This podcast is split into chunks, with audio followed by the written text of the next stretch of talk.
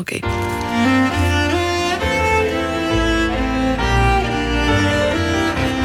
Het spoor terug.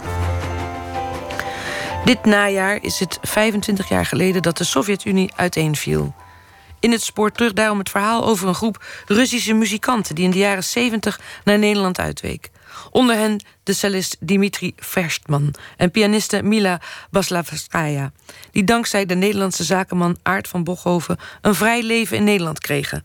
Een dramatische beslissing die weerklinkt in hun muziek, waarnaar we kunnen luisteren in deze documentaire van Sophie van Leeuwen en Pieter Bas van Wiegen. Je wist dat het geen weg terug is. Wie kon het voorstellen dat het het einde van de Sovjet-Unie en eigenlijk van het communisme zo nabij was?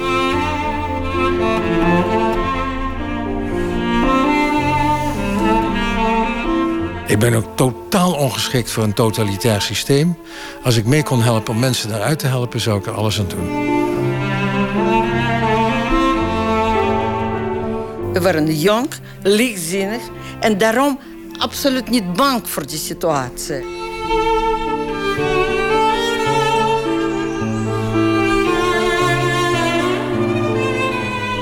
In de bossen van de Utrechtse Heuvelrug, een stukje van de weg af, wonen cellist Dimitri Versman en pianiste Mila Baslavskaya. Tussen de soms bijna exhibitionistische villa's steekt hun huisje tussen de bomen wat schril af. Maar het past bij ze, want wie de oprit oploopt, krijgt meteen het gevoel zich naar een Russische dacha te begeven. Mila neemt me meteen mee de tuin in, waar ze stilstaat bij een berkenboom. Uh, je weet misschien, of misschien weet je niet, maar Berken is symboliek van Rusland. Ja, zoals tulpen van Nederland, Berken is van Rusland. En uh, toen wij hier naartoe kwamen, uh, naar die betoverde plek, die herinnert ons natuurlijk onze Duitse. Duitsers was veel armoediger en veel kleiner, maar toch. Is plotseling kwam piepklein berkje. En dat niet alleen die berken, maar nog twee op onze terrein ik heb zoveel berken niet in geen enkele Nederlandse tuin gezien. Dus dat moet toch iets betekenen.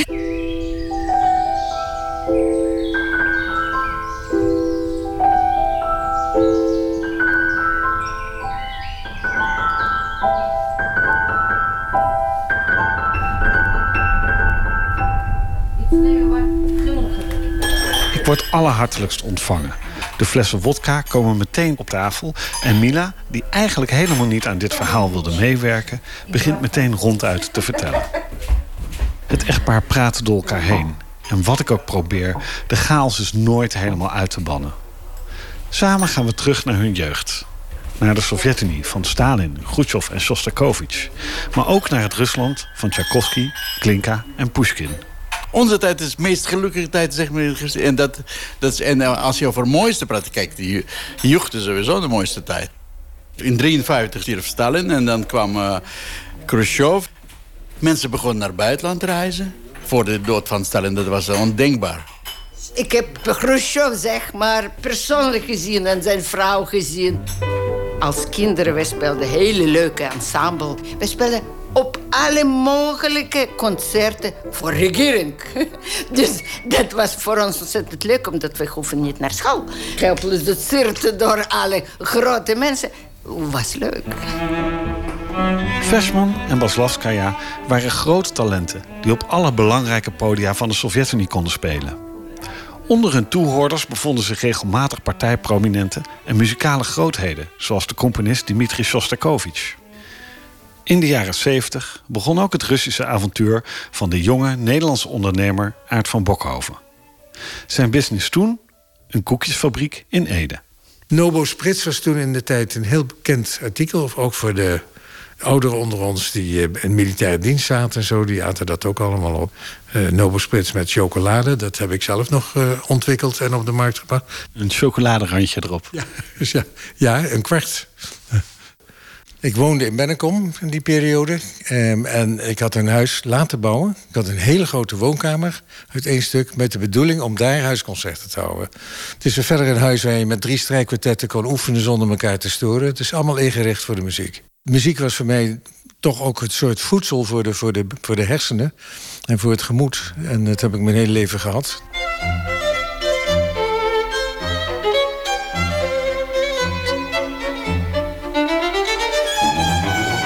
In 1969 won Versman met zijn Glinka-kwartet het internationale strijkkwartetconcours in het Belgische Luik. Deze prijs opende voor hem de poort naar het westen. Ze mochten nu ook op tournee aan de andere kant van het ijzeren gordijn. De eerste jaren van uh, die jaren dit uh, Glinka-kwartet kon spelen, die waren ook ontzettend succesvol, zeg maar. Vanaf dat moment dat we echt in het westen spelen. Dat was heel erg kort. Dat duurde maar vier jaar. 71, 72, 73, 74 in Westen, dat was altijd feest. Weet je? Dus de eerste keer toen uh, Dima kwam terug en zegt... Het, stel je voor, de mensen zitten met die partituur in de zaal. Uh, voor jou als muzikus, dat het zoveel betekent... dat iemand met zo belangstelling naar jou luistert. Dat is het jouw betekenis in de muziekwereld.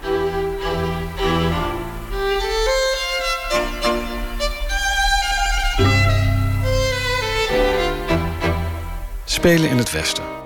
Het was een feest, maar eenvoudig was het niet. Ze werden door de geheime diensten in de gaten gehouden en konden niet zomaar over alles praten. Ze wilden eigenlijk dat niets over reële leven wordt in Westen bekend. Je komt enorme collectief, fantastische uh, mensen, uh, ja, muzici, die kunnen goed spelen. En als ze beginnen te praten over hun ja, vrij armoedige bestand tegenover de westerse muziek, dat is natuurlijk zonde. Stil op tournee, dat is bijna ongekend. Ik kan veel praten, maar niet over politiek, niet over de situatie.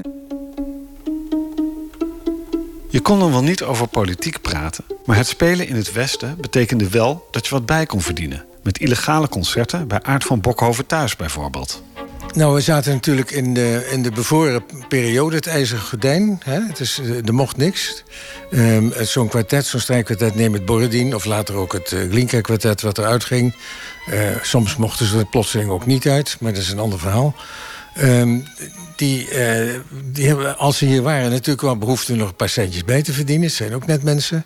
Al het geld wat ze verdienden ging direct naar het Gosconcert. Dus dat was het culturele uh, ministerie in uh, Rusland... dat eigenlijk alles um, heeft besloten voor ze. Goede en kwaaie dingen vooral. En um, dan wilden ze natuurlijk toch wel een zakcentje hebben... En zochten dus contact met vrienden. En ik was een van hen die hen in staat stelde om een concert te geven... waar je alleen maar mensen uitnodigde. Waarvan ik altijd zei, mensen, die, jullie zitten hier op mijn uitnodiging... we houden ons mond hierover, zodat het niet uitlekt. En dan de buurmeisjes, die waren een jaar of 15, 16... die inden dan zeg maar een bijdrage, een vrijwillige bijdrage. Dat ging natuurlijk één op één naar de uitvoerende muzici. En dat heeft zich vele malen herhaald. En op die manier hebben heel veel van die Russische muzici... bij ons een zakcentje bij, bij kunnen verdienen. En we hebben genoten van de meest mooie muziek. Zo'n man of tachtig per keer. Uh, en kamermuziek uh, uh, samen, die je nooit meer krijgt eigenlijk.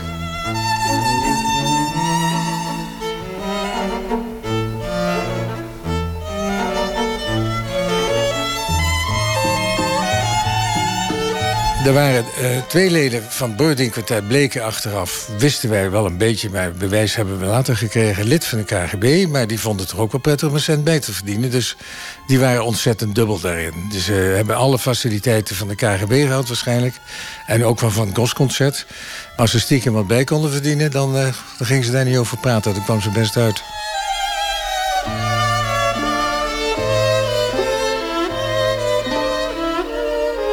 Waren er ook andere illegale zaken waarmee deze muzici zich bezighielden?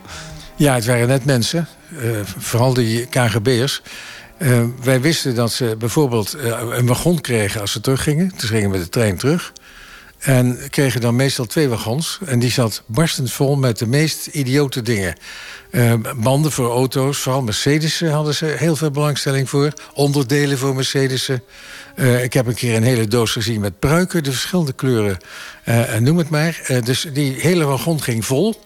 En die ging met een knipoog, of waarschijnlijk ook tegen betaling... gewoon dan ook de grens over natuurlijk Rusland. Dus ik heb ook eerlijk gezegd nog wel eens een keer geld geleend. Dat heb ik ook al keurig teruggekregen. Om ze die aankopen mogelijk te maken. En die betaalden ze dan terug van de winst die ze dan daar gemaakt hadden. Dus ze waren gewoon ook hele goede handelslui. De dames die kregen ook altijd de mooiste spullen natuurlijk. Panties waren natuurlijk haast niet te krijgen. Spijkerbroek in die tijd was ook goud waard. Maar daar gingen we eigenlijk dozenvol van. Ging dat altijd, eh, ging dat altijd mee. En, en dan konden ze het, tegen een veelvoud daarvan konden ze dat allemaal kwijt.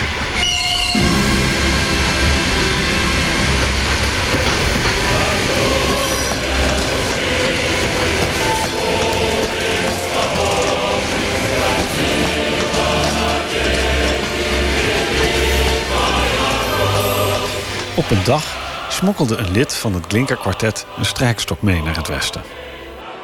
Hij werd verraden en het kwartet kreeg straf. Wij weten alles, zei de KGB. De buitenlandse tournees werden afgeblazen, dus ook de bijverdiensten verdwenen. Ook in de Sovjet-Unie zelf verloren ze steeds meer van hun privileges.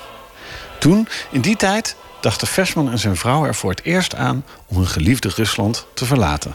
Wij weten alles en dan moet je weten dat het, er komen consequenties. Je hebt stok meegenomen naar buitenland. Jawel, hij- Dus de- nu niet- klinkt dat gewoon als een grap. Ja, we weten alles. Vanwege politiek, je kan niet vrijspelen. Vanwege politiek, je mag niet naar vrienden een stokje brengen. Dus als je brengt naar vriend een vioolstok naar westen, daar word je bestraft. Dus je kan dan geen cent verdienen voor jouw familie. We moesten zorgen dat we door kunnen gaan met onze concertleven in, in het buitenland. Dat was eigenlijk de grootste reden voor ons om uiteindelijk te, op te geven onze hoop en eh, toch emigreren. In Leningrad, 11 Russians, most of them Jewish, are being tried on charges of trying to hijack a plane out of the Soviet Union last June. Het is 12 uur, begin van 16 december 1971. Radionieuwsdienst verzorgd door het ANP. In Leningrad is een proces begonnen tegen elf mensen... die zouden hebben geprobeerd een vliegtuig te kapen. Volgens goed ingelichte kringen in de Sovjet-Unie... zijn de meeste beklaagden Joden. Ze zouden van plan zijn geweest naar Israël te gaan. De maximumstraf die ze kunnen krijgen is de doodstraf. Het Nederlands kabinet heeft zich beraden over de verontrusting... ten aanzien van het proces in Leningrad. Deze mislukte vlucht naar Israël en de doodstraf die twee keer werd uitgesproken, leidde tot grote internationale ophef. Na het proces zou de Sovjet-Unie de migratie naar Israël versoepelen. Honderdduizenden Joodse Russen konden zo in de jaren 70 de Sovjet-Unie wel verlaten.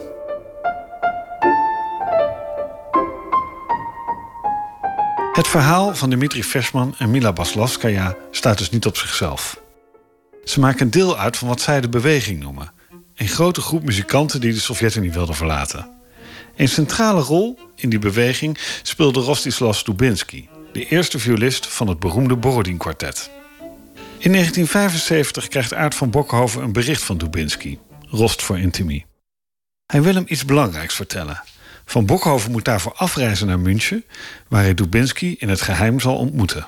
Het vond plaats in een hotel. En Ros vertelde dat, eh, dat hij iets heel ernstigs wilde bespreken. En dat we daar met niemand over mochten praten.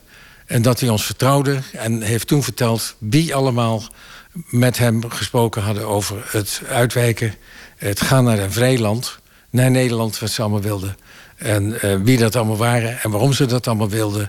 Kan je inreisvisum regelen, kan je verblijfsvergunning regelen, een werkvergunning regelen. Kan ons helpen met banen, kan je ons helpen met alles wat nodig is. Om als we eruit gaan, dat we dan meteen door kunnen starten. Wij willen allemaal werken, we willen allemaal vrij zijn. Eh, wij zijn klaar, kunnen jullie dat regelen? En dat is allemaal in München in één klap besproken. En ik heb ook eigenlijk in München meteen gezegd dat ik ehm, alles zou doen om het mogelijk te maken. En ik ben toen met de Nederlandse overheid meteen eigenlijk aansluitend eh, in gesprek gegaan. Heb dit verhaal neergelegd en zo is eigenlijk de hele zaak op gang gekomen. In 1976 vluchtte Dubinsky naar Nederland. Officieel zou hij naar Israël gaan. De enige manier om in die jaren de Sovjet-Unie te verlaten was namelijk door jezelf Joods te laten verklaren. Van Bokhoven haalde de Joodse organisatie GIAS over om de Russen tijdens de reis van Moskou naar Israël af te laten zwaaien naar Nederland. Dat moest gebeuren in Wenen. In Nederland vroeg Van Bokhoven aan een vriend van hem, het VVD-Kamerlid Ad Ploeg, om de muzikanten te helpen. Ploeg zorgde voor de medewerking van de ministeries van Justitie, Binnenlandse Zaken en Buitenlandse Zaken. Ik had ze wel snel overtuigd dat het ook voor het Nederlandse muziekleven van grootste belang zou kunnen zijn om deze gigantische toppers om die binnen te halen. En dat blijkt ook zo. Als je de muzici vraagt in Nederland die de situatie gekend hebben, die zeggen dat het een enorme bijdrage is geweest voor de, ja, voor muziekleven in, eh, in Nederland. Dubinsky, Victor Lieberman, de concertmeester van het Concertgebouworkest, Mark Lubowski en zijn gezin, talloze mensen hielp van Bokhoven naar Nederland. En dan speelde hij ook nog een rol bij de migratie van andere beroemdheden die meer op eigen kracht deze kant uitkwamen. Onder hen bevonden zich cellist Misha Marsky, violist Philip Hirschhorn en de dirigent Kirill Kondrashin. hebben ze gezegd: wij zullen zorgen dat je één contactman krijgt. Dat was Frans Slot. Dat was een geweldige man die de autoriteit had gekregen om voor de drie ministeries de zaak aan te pakken en op te lossen. Dus als er iemand kwam, dan meldde ik Frans op. Ik zeg: Frans, eh, we gaan nu. Die familie komt en eh, dus die nemen die mee en die mee. En moeder komt ook mee enzovoort. Die staat op onze lijst. En dan regelde hij de hele zaken. Zei oké, alles is voor elkaar. Dus er waren alle papieren dus voor elkaar bij die drie ministeries. En dan, en dan kon die mensen gewoon rechtstreeks hier naartoe komen. Na de migratie van Dubinsky moest het linkerkwartet langskomen bij de Russische minister van Cultuur. Die vroeg hen om hun muzikale held, Rostislav Dubinsky, te beschuldigen van verraad. Ze moesten zijn gang naar het westen publiekelijk veroordelen in een brief in de Pravda en de internationale pers. Is alles achter de rug voor jullie als jullie maar een open brief schrijven naar de New York Times? Uh, en en, uh, en in, in de grote Russische kranten ook uh, proberen het dus gewoon totaal zichzelf los te maken van die persoon. Daar hebben er niks mee te maken. Maar zwart maken van onze leraar en ook zo zijn gerespecteerde muzikus als Dubinsky, dat was absoluut totaal uit de boze. Ik heb mij dezelfde dag echt zo, zo stom gedronken. En over een week ongeveer gingen we dan uh, Wieserman vragen.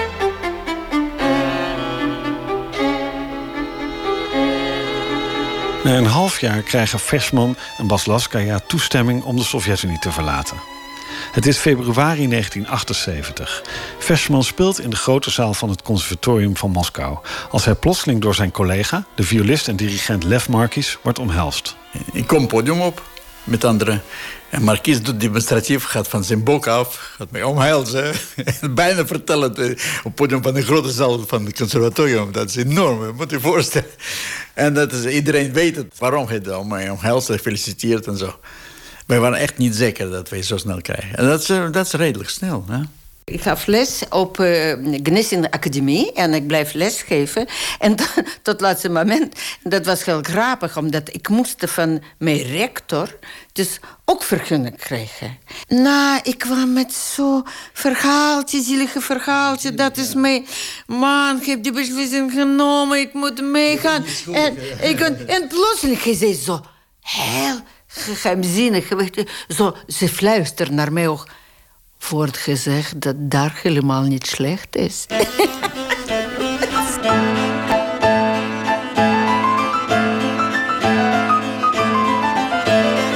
en dan begin je pak als gekke en afscheid nemen. En, van alles, en dan begint het ellende, omdat je bent echt als zieke. Je eilt, dus je leeft niet meer.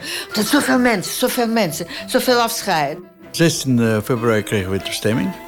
En in 17 dagen waren we, we, dat gepakt en 5 eh, maart gingen we weg. Ze lieten alles achter. Hun carrière en hun leven. Zou Versman zijn broers en zijn moeder ooit nog terugzien? En de vader van Mila? Hij had een topfunctie in de militaire industrie als ontwerper van straaljagers. Toch gaf hij zijn dochter toestemming om te gaan. Hij was niet alleen in de hoge positie, en dat, maar ik was de enige dochter. Mijn broer is gestorven, jong en geen vrouw. Dus voor hem dat was echt tragisch. En toch, hij heeft echt nagedacht. En ja. gezegd, dat moeten jullie die kans uitproberen.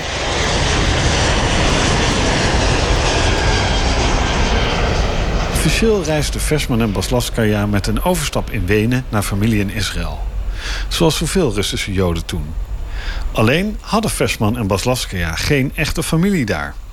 De dochter van mijn tante die heeft het in begin twintiger jaren emigreerd naar uh, Palestina. Dan wordt het Israël en dan... Uh, ja, ja, goed. Dus, uh, er, zit, er zit veel waarheid in, in, maar niet in ons geval. Inderdaad, dat was een oom. Dat, mijn broer heeft het oom gevonden, maar net na zijn dood. Dat je niet weet als je een visum aanvraagt wanneer het wordt ingewilligd, wist ik dus nooit wie eerst kwam. Dus en hoe de volgorde zou zijn, wist ik niet. Op welk moment ze het zouden aanvragen, wist ik ook niet. Dus op een goed ogenblik eh, kwam inderdaad. Eh, de Rost kwam uh, als eerste. Rost kwam als eerste met zijn, zijn vrouw, Luba de pianiste, en, en twee eh, moeders. En um, hoe de communicatie in de tijd verliep, die, die verliep altijd ingewikkeld. Maar dat was een soort ook een netwerk van dingen werden doorgegeven. Iemand ging naar het westen toe en die nam dan die boodschap mee. Of er werd toch gebeld. Van Gorky Stadium weet ik nog wel. Het station was, was een telefoonlijn die heeft de hele tijd... kon daarmee bellen. Maar wij wisten niet uh, wat ons te wachten stond. Op, op vliegveld stond aard. Dat is ongelooflijk. Ja, je begreep überhaupt niet hoe dat, hoe dat kan. En onze dochter, uh, zeven jaar oud, arme kind, ze begreep er helemaal... Wat gebeurt er met, met mij? Je leeft in een land... Waar ben je ook gevoed? Je hebt uh, kring van vrienden, je hebt familie, je hebt huis, je hebt iets. Je, je komt gewoon naar absoluut onbekende plek. Ja, ik heb een dochter van zeven. Ik huilde alleen maar, dag en nacht. Maar het was ontzettend moeilijk. Na aankomst in Wenen logeren ze bij een Nederlandse landbouwattaché... een vriend van Van Bokhoven. De volgende dag krijgt het echtpaar tijdelijke papieren... op de Nederlandse ambassade om door te reizen. Een nachtelijke rit door Oostenrijk en Duitsland volgt. In de auto waren we eigenlijk allemaal heel stil. Ook omdat het ongelooflijk glad was op de wegen. We het eigenlijk afgeraden om te rijden, maar daar trokken we ons niks van aan. Ik had in die tijd een, uh, een grote BMW, daar konden we allemaal in. En uh, we glibberden dus echt naar huis. En um, het, was, het was een soort, bijna een reis van bezinning eigenlijk. Zo staat me dat bij. En het enige wat, um, wat ik af en toe moest roepen is tanken en aftanken. Er werd, uh, iedereen begreep wat dat betekende natuurlijk. En uh, ja, dan, dan gingen we eruit. En ja, eigenlijk... Iedereen zat in zijn eigen gedachte van... dit is nu echt gelopen, we zijn er. En dan dringt eigenlijk pas dat je door van... nou, nou ben je echt met de volgende stap begonnen, denk ik. En uh, ik denk dat bijna iedereen elkaars gedachten wel kon raden... waar ze mee bezig waren. En uh, ik weet nog goed dat Jima ik vergeet ik mijn hele leven niet meer... die zat notabene met zijn cello voor hem, naast mij, die passagiersstoel. En die stoel moest natuurlijk ook niet te ver naar achter... want dan kon er die achter niet allemaal niet zitten. En um, die zat met die cello omarmd. Had hij die cello, de hele reis heeft hij naast me gezeten... met die cello die hij vasthield. En um, nou, ik denk dat Anja waar geslapen heeft. Mila kan altijd best uh, lekker praten en zo. Maar het was eigenlijk een hele stille, ongelooflijk goede sfeer verlopende reis. Maar eentje van bezinning, dat gevoel heb ik altijd. We kwamen om vijf uur s'nachts op mijn verjaardagdag. En we kwamen naar huis van Aart van Bokhoven. Op de tafel stond enorme taart. Ja, ten ere van mijn verjaardag. En in de keuken stond een enorme pan met boerenkool. Die was meteen... En dat, kijk eens, boerenkool nog met enorme uh, worst boven. Oh, dat lijkt wel op Russische worst. Dat was heel vertrouwelijk. meteen. Ik heb uh, wakker gemaakt vrouw en vriendin van uh, zijn broer. Ja, ze kwamen mee feliciteren. Dus het was heel ontroerend, maar tegelijkertijd zo raar. Rare droom was moeilijk. Volgende dag plotseling ontdekte dat ze hebben een hele rare grote tuin met absoluut andere planten. Dat ben ik gewend. In Russische, bij Russische daadje, dat stond iets exotisch, iets, iets heel raars. Maar daar stond een vleugel. En die, die was een celle. Die kon Dima meteen bespellen. Dat was natuurlijk heel vertrouwelijk en, en leuk.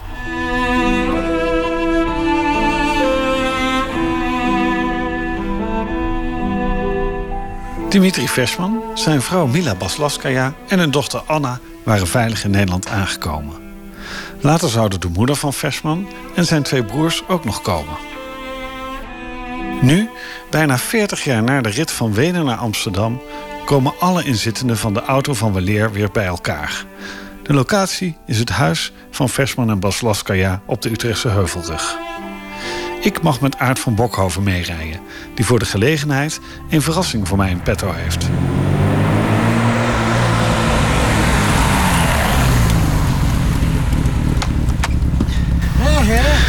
Heel wat achter de rug. Hallo, goedemorgen. En goedemorgen. We hebben mooi weer meegenomen. Hè? Heel mooi weer meegenomen. Maar wat is dit? Het is ook een andere hobby lijkt.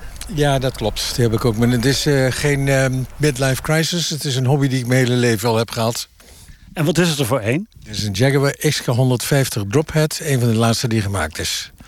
En heb je er ook spannende ritten meegemaakt? Ja, ik ben er ook mee naar Kaapstad gereden bijvoorbeeld. Dat is wel erg spannend. Van Londen naar Kaapstad, dat is ongeveer 20.000 kilometer.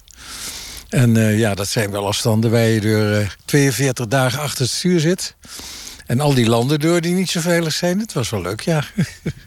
ja, ik heb zo'n beetje wel alle rallies gereden die je ermee zou kunnen rijden. Telper Rally heb ik nu net gereden. De Monte Carlo Rally van Londen naar Kaapstad. Rally Luik-Rome-Luik. Uh, Londen, Lissabon. Uh, nou, ga maar door. Ja. Nou, oké. Okay. Laten we op pad gaan. Oké, okay, we gaan op pad.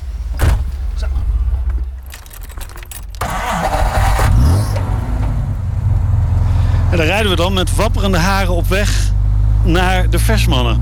Ja, inderdaad, naar de versmannen. Die 40 jaar geleden daar uh, zijn neergestreken. Niet op die plek, maar in Nederland. Heb je ze nog veel gezien uh, sinds die tijd? Ja, ik zie ze, ja, ik denk erg, erg vaak. Uh, ook natuurlijk omdat bij uitvoeringen van Lisa, hun dochter... die dus echt tot de wereldklasse is gaan behoren. Geweldige vrouw, die ja, veel concerten geeft. En dan eigenlijk is het een soort stille reunie die we elke keer hebben met elkaar. Want er komen ook waar ooms altijd en tante en uh, van alles en nog wat. En ja, een concert is belangrijk, maar daarna zit op zo'n moment, uh, daarna is vooral misschien ook wel minstens even belangrijk. Dus, ja, vandaag doen we alleen de nazit bijna. Wij doen alleen de nazit, maar we moeten nog rijden, dus we moeten heel voorzichtig nazitten. Altijd gevaarlijk hè, met die Russen. Ja, de Russen die hebben natuurlijk een uh, hele bijzondere manier van met elkaar te communiceren. Aan tafel um, is het zo dat als je um, met z'n tien aan tafel zit... in principe eigenlijk allemaal iets hoort te zeggen. Je vodka-glas uh, gevuld hebt. En dan um, Tvajosarovia zegt en dan gaat het ding in één keer naar achteren. Dus tel maar uit hoe groter het gezelschap waar je ongeveer eindigt. Heb je nog veel contact met de andere mensen ook die je hebt geholpen? Ja, nou eigenlijk het meeste met de Lubotskis. Um, Lubotsky is... Um, Mark Lubotsky kwam hier dus met, met vrouw en um, met zijn moeder. En met zoon, Sascha Lubotsky. En ja, Ros Dubinsky is natuurlijk uiteindelijk... hij is inmiddels ook overleden. Uiteindelijk naar Amerika gegaan. Naar Bloomington. En met de andere, ja, we zien elkaar op concerten. We houden elkaar bijzondere momenten bij. Maar veel, echt veel contact. Zoals je als vrienden onder elkaar hebt. Dat, dat kan je eigenlijk, behalve dan die ik net genoemd heb... eigenlijk uh, is dat niet meer noemenswaardig. Na een half uur rijden komen we aan bij het huis van Versman en Baslaskaya op de Utrechtse Heuvelrug. Politie! Kom jou halen. Lekker! ja. heel. Maar Aard, dat is geen 45 jaar geleden. Dat is exact 40 jaar geleden wanneer het begon. jaar geleden, ja. Met Mark en, uh, ja, en, en, en, Rost. Ja, moeders bij en er kwamen broers bij. En, en er kwamen vrouwen bij. En kinderen, ja. nieuwe kinderen bij. Het, is, het groeide wel heel hard. op die manier. De ontvangst is wederom allerhartelijkst. En er worden grapjes gemaakt. We gaan naar binnen en aan tafel. Op het menu staat Georgische gatchapuri, krabsalade en zalm met dille. Ook dochter Anna schuift aan. Jongens, eigenlijk op aard. Nee, en op ons, omdat we hebben dat overle overleefd. Jullie hebben de beslissing genomen, ik niet. Twee jaar daarom, ja. Een nieuw begin in Nederland. Het is 1978. De eerste maanden wonen de Versmans in de villa van Aart van Bokhoven in Bennekom. De eerste week was eigenlijk meteen starten in de muziek. Gewoon oppakken, veel praten met elkaar. Best wel wat vodka drinken af en toe. Rust en kalmerende pillen hadden ze bij zich altijd. Dat viel me op. En die had ook een speciale geur. En dat rook ik altijd specifiek. Dat was echt Russisch. Ik lag uh, urenlang uh, met het gezicht naar de muur en uh, niet kon studeren. En toch wel studeren, maar dan...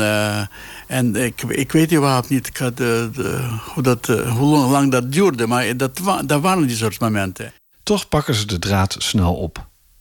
Versman krijgt een baan bij het Omroeporkest in Hilversum... en beide groeien ze uit tot zeer succesvolle docenten... aan verschillende conservatoria in Nederland. Er wordt ook een tweede dochter geboren, Lisa. De twee zussen groeien op als Nederlanders, vertelt de oudste dochter Anna, die bij ons aan tafel zit. Op het moment dat wij vertrokken, werden we stateloos. Werd ons uh, staatsburgerschap afgenomen, paspoorten afgenomen. Toen hebben we nog jarenlang, ik denk toch een jaar of zes, uh, zeven ongeveer, een stateloze, een mooie roze VN-paspoort uh, gehad. Daarna kregen we een Nederlands paspoort. En het Russische paspoort, het schijnt dat je hem weer uh, terug zou kunnen krijgen via een procedure. Uh, nou ja, na 91 uh, kon dat, toen de Sovjet-Unie gevallen was. Um, maar dat was totaal niet in vraag dat, dat we dat zouden willen. Ik was bang dat ik blijf tussen twee werelden leven. Ik leef hier zoals Broski ooit zei. Ik draag, wil je terug naar Rusland gezegd? Nee, ik draag, het is het mooiste van Rusland, ik draag ik in, mijzelf. Dat hebben we in onszelf. De prijs voor een nieuwe leven is hoog. Kort na aankomst sterft de vader van Mila Baslavskaya. Hij moest weg van zijn baan, ontslagen. Hij weg van de communistische partij. Hij moest zeggen dat zijn dochter was vreselijk opgevoed. Dat ze is gewoon vijand van de, van de staat. En haar man ook. En uh, we dachten, nou, maar misschien na tijd, na tijden... hebben we mogelijkheid om hier hem tenminste op bezoek te hebben... Maar hij mocht ook zelfs met ons niet praten door telefoon. We hebben nooit uh, woord gewisseld naar onze migratie. Ik kon naar hem brieven niet schrijven, naar zijn adres. En en dat was ook te veel voor hem. Weet je? En, en zo, hartaanval. Ja. Hartaanval. Ja. En plotseling, zonder pijn, gewoon een boem. Dat was het, dat was het mijn boete. En mijn kruis, die natuurlijk ik draag. Al met al is het natuurlijk absoluut de juiste beslissing. Vraag is wanneer, wanneer mag je die stap? Heb je? Wij hebben dat uh, zo'n echt ontzettende drastische stap uh, gedaan toen. En, uh, en dat uh, eerste slachtoffer viel, dat is haar eigen vader. Het schuldgevoel gaat niet over.